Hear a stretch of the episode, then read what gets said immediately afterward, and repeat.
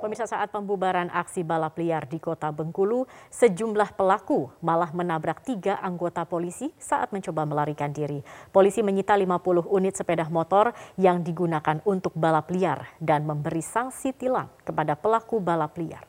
Bukannya membubarkan diri dengan tertib, sejumlah pelaku balap liar di kawasan Pasir Putih, Kota Bengkulu, Provinsi Bengkulu, pada minggu malam ini malah melarikan diri. Sampai-sampai menabrak tiga anggota polisi yang bertugas membubarkan balap liar. Beruntung tiga anggota polisi dari Sabara dan Satlantas Polres Bengkulu yang ditabrak tidak mengalami cedera berarti, hanya luka ringan di beberapa bagian tangan dan kaki. Satu orang penabrak polisi telah diamankan di Mapolres Bengkulu untuk dimintai keterangan lebih lanjut. Satlantas Polres Bengkulu menyita 50 unit sepeda motor yang digunakan untuk balap liar selama satu bulan ke depan. Sedangkan kepada pengendara disanksi berupa surat tilang.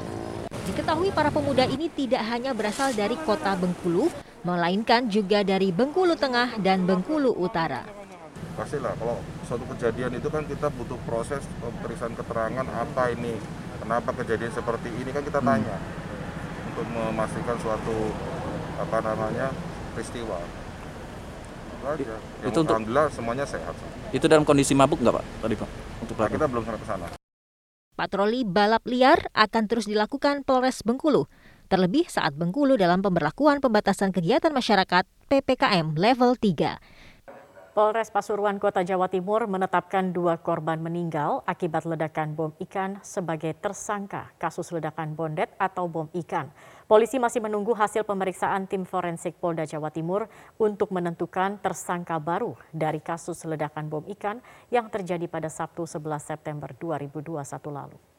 Dari hasil penyelidikan dan pemeriksaan polisi terhadap sembilan saksi kasus ledakan bom ikan atau bondet yang terjadi pada Sabtu lalu di Dusun Macan Putih, Desa Pekangkungan, Kecamatan Gondang Wetan, Kabupaten Pasuruan, polisi akhirnya menetapkan dua korban meninggal dunia yang juga pemilik bondet, yakni Gofur dan Mat Sidik sebagai tersangka dalam kasus meledaknya bom ikan di Dusun Macan Putih.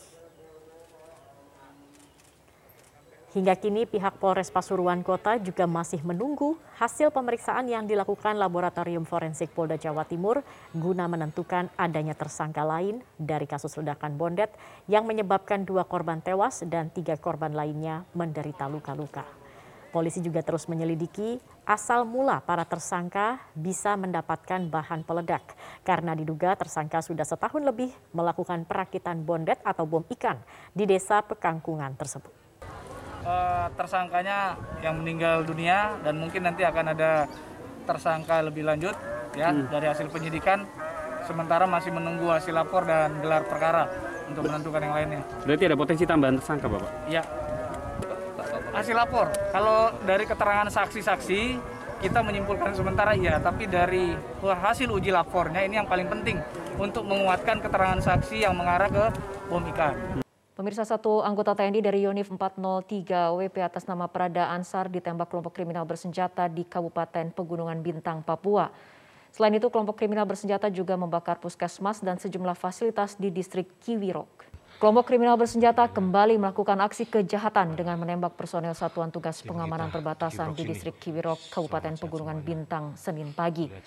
Dalam penyerangan tersebut, satu anggota TNI dari Yonif 403 WP atas nama Prada Ansar mengalami luka tembak pada lengan sebelah kanan. Selain melakukan penyerangan, kelompok kriminal bersenjata juga melakukan pembakaran terhadap sejumlah fasilitas umum, di antaranya puskesmas, kantor Bank Papua, dan sejumlah bangunan lainnya. Saat ini aparat kepolisian Polda Papua masih berupaya menuju ke lokasi untuk pengamanan, mengingat lokasinya harus menggunakan transportasi udara. Selain itu, aparat juga masih menyelidiki kelompok yang melakukan penembakan dan pembakaran fasilitas umum tersebut. Jadi rekan-rekan kami masih uh, melakukan upaya-upaya pengejaran sekaligus untuk mengungkap siapa uh, yang melakukan sesungguhnya. Ya, kita masih dalami tentang uh, peristiwa yang terjadi tadi pagi.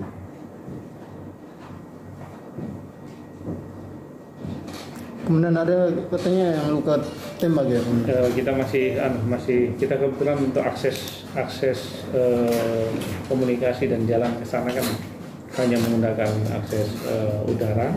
Kemudian akses jalan bisa tapi perlu waktu yang cukup lama dan jadi kami cukup sayangkan uh, peristiwa itu terjadi di mana kita semua sedang uh, berupaya untuk menciptakan situasi aman dan nyaman di wilayah Papua.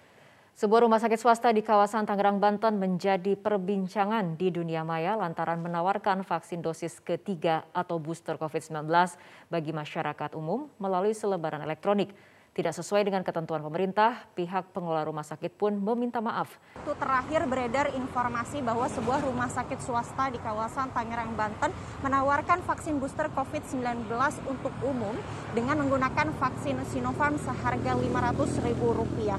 Pantauan kami di lokasi tidak ada spanduk yang memberikan informasi pelayanan vaksin booster COVID-19 yang ada hanyalah spanduk besar yang berisikan informasi terkait dengan layanan tanpa turun atau drive-thru untuk swab PCR seharga Rp495.000 dan juga untuk rapid antigen seharga Rp125.000 yang akan dilayani sejak pukul 8 hingga pukul 20 waktu Indonesia Barat.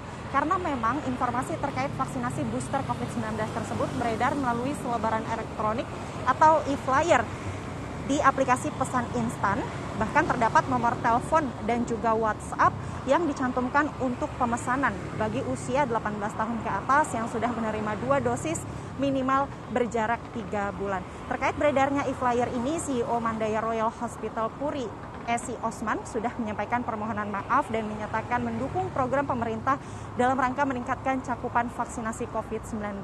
Namun, Esi mengakui selebaran yang beredar tersebut memang tidak sesuai dengan peraturan pemerintah dan info yang terdapat di dalamnya pun masih dalam pembicaraan internal dan belum disebarluaskan ke publik. Nah, sesuai surat edaran Kementerian Kesehatan, booster sampai saat ini hanya boleh diberikan kepada tenaga kesehatan sebab seperti yang kita ketahui bersama bahwa nakes merupakan garda terdepan penanganan COVID-19 yang sangat rentan terpapar virus. Juru bicara penanganan COVID-19 dari Kementerian Kesehatan Siti Nadia Tarmizi meminta daerah mengawasi ketat distribusi vaksin booster COVID-19 di lapangan agar tidak disalahgunakan. Pemirsa di tahun 2022 diharapkan kondisi Indonesia kian membaik meski pandemi sulit diperkirakan.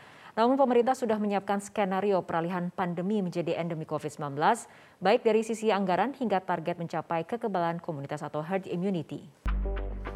Perjuangan masyarakat Indonesia melawan pandemi mulai membuahkan hasil, namun juga bukan berarti kita bisa lengah dan beruforia secara berlebihan.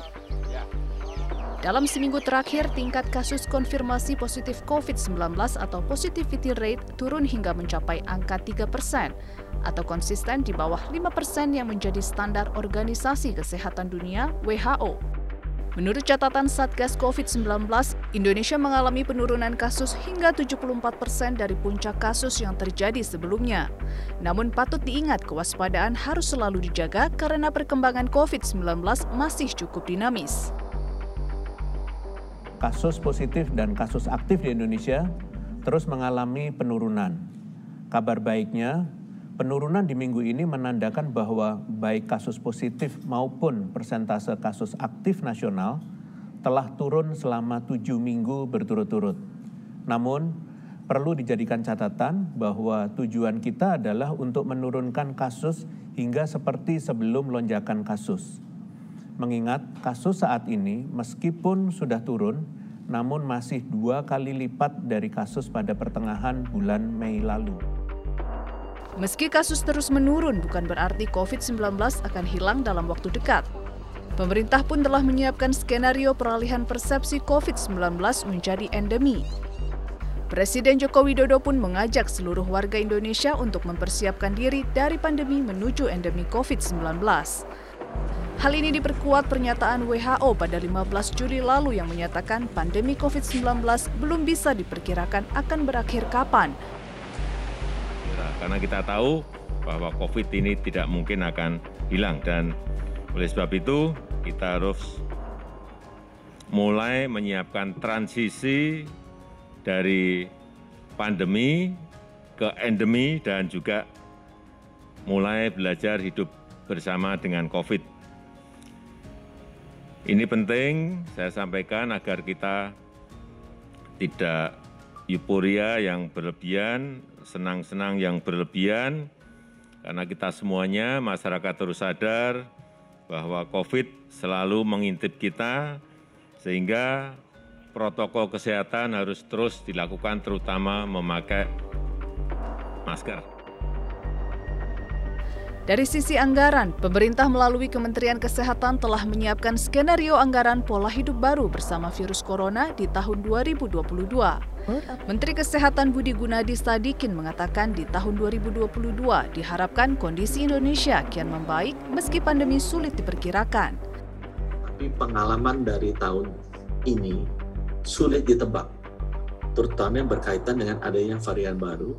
Jadi kita menggunakan dua asumsi, yaitu asumsi pertama, asumsi bahwa tidak ada varian baru, sehingga kondisinya normal, berubah dari pandemi ke endemi. Tapi opsi yang kedua adalah kalau ada varian baru sehingga terjadi lonjakan. Nah, kedua opsi ini sudah kita bicarakan, diskusikan dengan Kementerian Keuangan agar skenario-skenario ini dipersiapkan. Sejak awal ditemukan kasus COVID-19 di Indonesia pada Maret 2020 sampai saat ini tercatat 4 juta lebih kasus konfirmasi positif COVID-19. Hingga saat ini pemerintah berupaya menggencarkan vaksinasi guna mencapai kekebalan komunal atau herd immunity untuk hidup berdampingan dengan COVID-19. Tim DVI Polri telah memiliki seluruh data antemortem dari pihak keluarga korban kebakaran lapas kelas 1 Tangerang, Banten. Sementara itu pihak Polda Metro Jaya terus memeriksa sejumlah pihak yang menjadi saksi mata terbakarnya Blok C2 Lapas Kelas 1 Tangerang. Informasi selengkapnya akan disampaikan oleh Glory Nata langsung dari Mapolda Metro Jaya dan Rutio di Rumah Sakit Polri Jakarta Timur.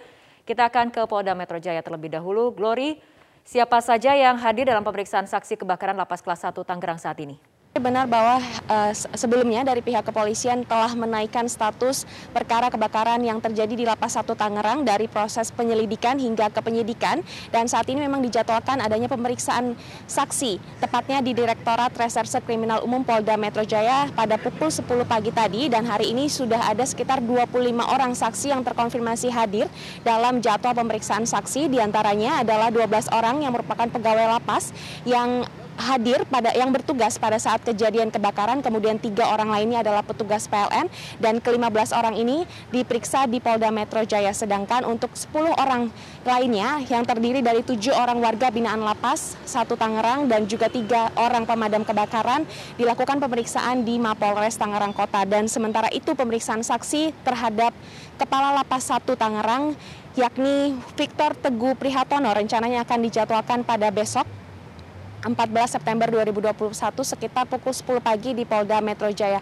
Dan sebelumnya Fitri dan juga pemirsa memang dari pihak kepolisian sudah menggelar adanya gelar perkara dan dari gelar perkara tersebut ditemukan adanya tindak pidana, dugaan tindak pidana dan eh, hingga saat ini ada beberapa pasal-pasal yang dapat disangkakan dalam perkara kebakaran yang terjadi di Lapas 1 Tangerang di antaranya adalah eh, pasal 187 KUHP, kemudian pasal 188 KUHP dan pasal 359 KUHP tentang perbuatan kesengajaan, kelalaian dan juga kealpaan sehingga menimbulkan kebakaran dan merenggut nyawa orang. Dan hingga saat ini dari pihak kepolisian masih mendalami apa sebenarnya penyebab dari kebakaran ini terjadi dan memang untuk dugaan awalnya penyebab kebakaran terjadi karena adanya hubungan arus pendek yang terjadi di Lapas 1 Tangerang beberapa waktu lalu.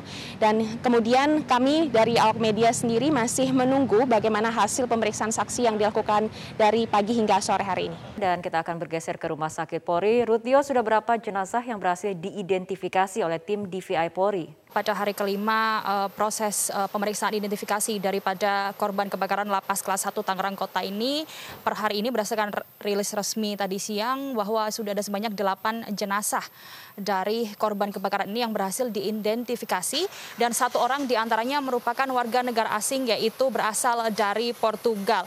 Dari tujuh korban ini, mereka berhasil diidentifikasi oleh petugas tim DVI Polri berdasarkan uh, hasil DNA juga pemeriksaan medis dan satu di antaranya uh, dapatkan dari hasil sidik jari yang dimiliki korban. Selain itu juga sampai dengan hari ini total dari 41 jenazah ataupun korban yang menjadi korban kebakaran lapas ini sudah ada 18 jenazah yang berhasil diidentifikasi identitasnya dan masih tersisa 23 jenazah lagi yang masih menunggu proses identifikasi.